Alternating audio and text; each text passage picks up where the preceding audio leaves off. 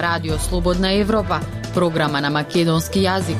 Од студиото во Скопје, Марија Митевска.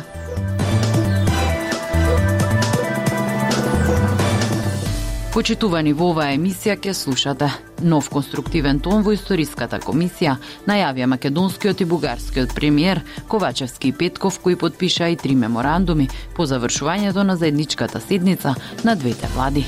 Поланскиот најлош резултат и 111-тото место на листата за перцепција на корупција година во Македонија напредува за 24 места. Одложено судењето за случајот против поранишниот генерален секретар на владата Драги Рашковски. Останете со нас. Независни вести и анализи за иднината на Македонија на Радио Слободна Европа и слободнаевропа.мк. По заедничката седница на македонската и бугарската влада, премиерите Димитар Ковачевски и Кирил Петков подпишаа три меморандуми. Тие на заедничка пресконференција повеќе зборуваа за економските теми, отколку за она што и дојде до проблемот меѓу државите, историските прашања. Прилог на Фросина Димеска.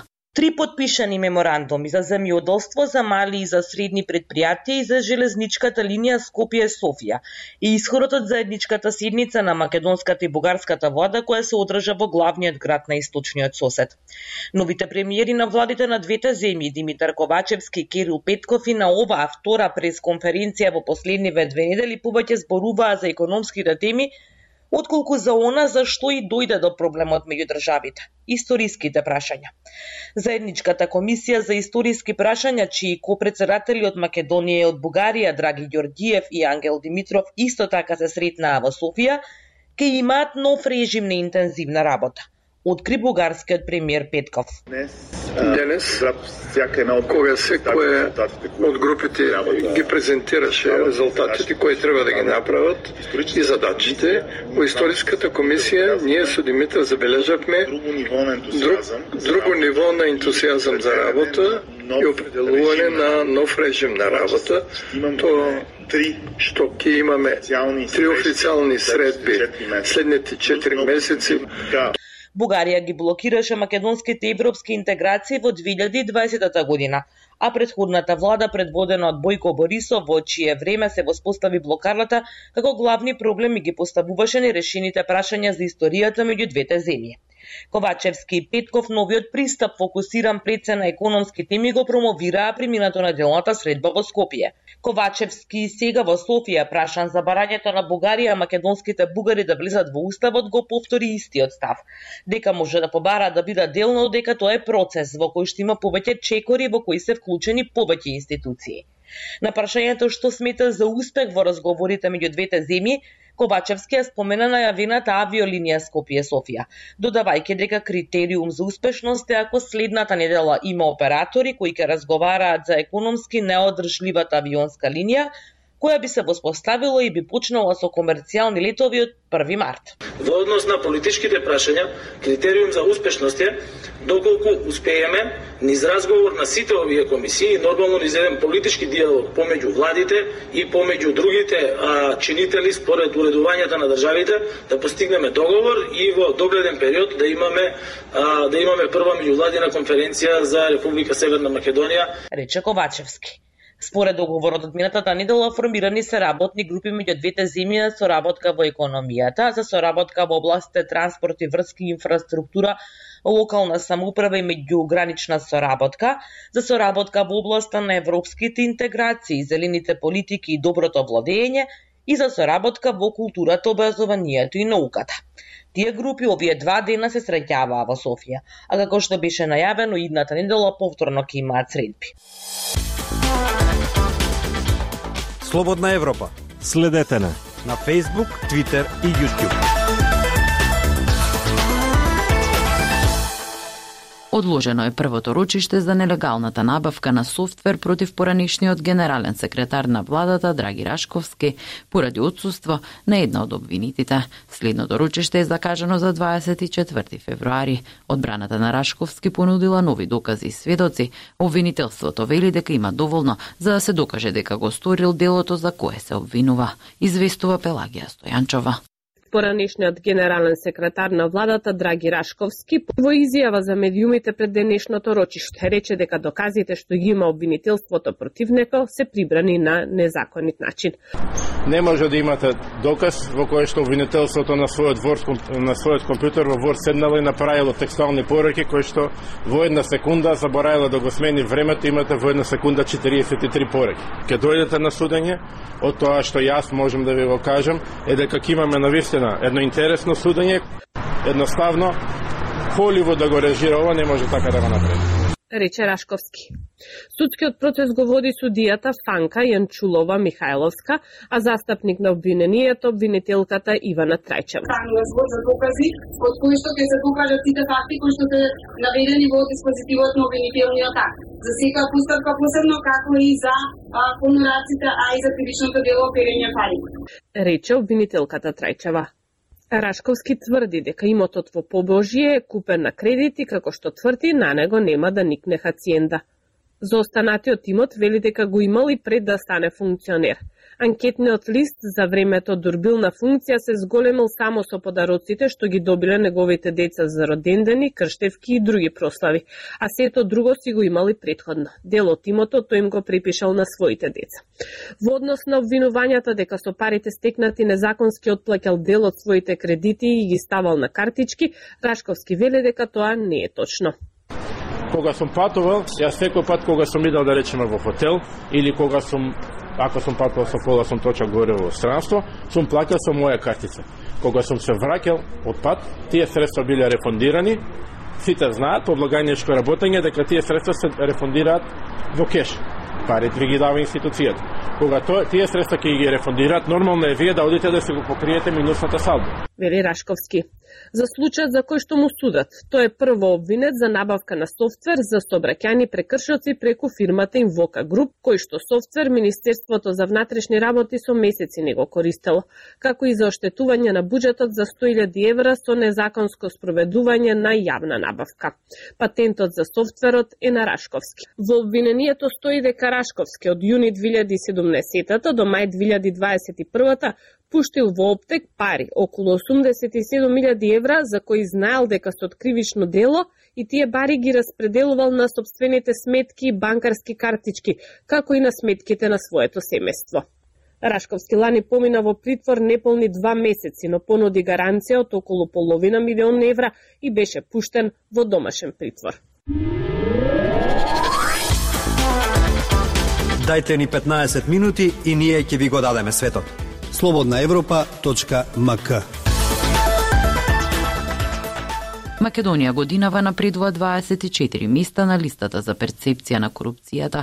Изборите судењата за висока корупција и антикорупцијската комисија придонеле за подобрување, но има уште работа, вели Стајана Тасева од Transparency International Македонија. Прилог на Срген Стојанчов. Македонија забележа напредок од 4 индексни поени, односно се искачи 24 места погоре на листата на индексот за перцепција на корупцијата што годишно го изготвува Transparency International. Оваа година Македонија е рангирана на 87-то место од 180 држави во светот со 39 индексни поени. Индексот користи скала на бодови од 0, многу корумпирана земја, до 100, некорумпирана земја. Минатата година Македонија го оствари својот најлош резултат и беше рангирана на 111-тото место со 35 индексни поени. Најдобар резултат во изминатата деценија Македонија имаше во 2014-тата, кога со 45 индексни поени беше рангирана на 64-тото место во светот. Најголем скок во рангирањето во регионот бележат Македонија и Косово, кои годинава го делат 87-то место, рече Сладјана Тасева од Transparency International Македонија. Значи имаме подобрување, но тоа не значи дека е многу добро. Значи резултатот е се уште многу низок, се уште е под половина, значи под 50 поени, и се уште сме многу пониско од таму каде што сме биле во 2015 година, Та се вели дека подобрувањето на состојбите на човековите права, начинот на спроведување на изборите, судските случаи за високи случаи на корупција, работата на Државната комисија за спречување на корупцијата, како и акцискиот план на владата за борба против корупцијата го подобруваат резултатот на Македонија. Иако има многу за што да зборуваме дека не се направени исчекори, вклучително и на реформата во судството која што се уште стагнира и други реформи кои што треба дополнително да се спроведуваат, сепак овие активности кои што се преземени во последните две години веќе го покажуваат своето влијание. Во регионот, полошо од Македонија, стојат Србија на 96-тото и Албанија и Босна и Херцеговина, кои со 35 индексни поени го делат 110-тото место. Најдобро рангирана земја од регионот е Словенија на 41-то место. Потоа следуваат Грција на 58-то, Хрватска на 63-тото, Црнагора на 64-тото и Бугарија на 78-то место. Тасева вели дека постои корелација меѓу индексот на перцепција на корупцијата и заштитата на човековите права. Односно, државите во кои има поголема заштита на човековите права имаат помал проблем со корупцијата. Најдобро рангирани земји се Данска, Финска и Нов Зеланд со индекс 88. На дното на табелата остануваат Сомалија и Сирија со 13 и Јужен Судан со 11 бодови. Култура и уметност. На Радио Слободна Европа. Во најновата едиција на реномираната историја на европски книжевности Лес Летрес Европенес, објавена неодамна во француската метропола Париз, е анализирана и прозата на современиот македонски писател Александар Прокопиев, повеќе од Лјупчо Јолевски.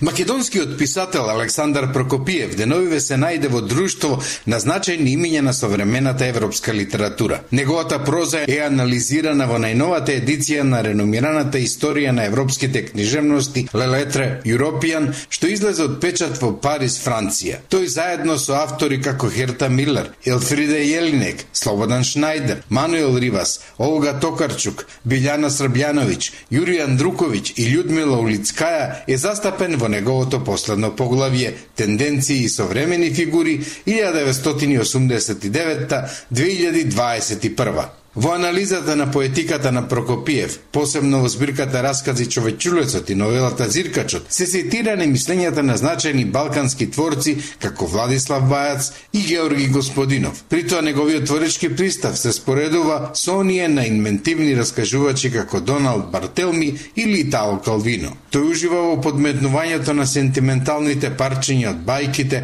задржувајќи бројни елементи на фантастичните или магичните повести. Прокопиев ја отворува постмодерната струја во Македонија, додека ги тера читателите да го прифатат фактот дека самиот живот се темели на збрка. Се заклучува во освртот. Автори на најновата едиција се четворица универзитетски професори Аник Беноа Дисосо, Ги Фонтен, Јан Јадразеевски и Тимур Михудин, кои соработувале со уште 200 книжевници од стариот континент. Предговорот на актуелното издание пак е дело на полската писателка и добитничка на Нобеловата награда Олга Токар Бакарчук. Конечно, во ова капитално дело од речиси 1200 страници во 16 поглавја, најнапред се толкува и аргументира концептот на европската литература, а потоа се анализираат авторите, книгите и поетиките од средниот век до денес. Од друга страна, ваквиот след на настаните за Александар Прокопиев доаѓа по безмалку цела една декада од добивањето на престижната меѓународна книжевна награда Балканика во 2012 година,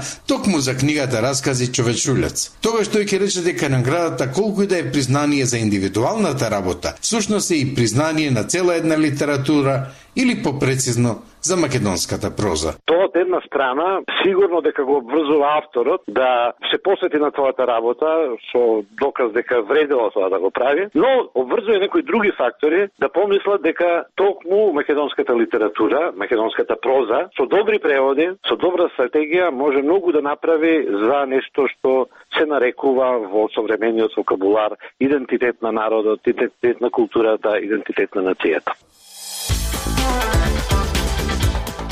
Тоа беше се во вистите на Радио Слободна Европа. Од студиото во Скопје со вас беа Марија Митевска и Дејан Балаловски. До слушање.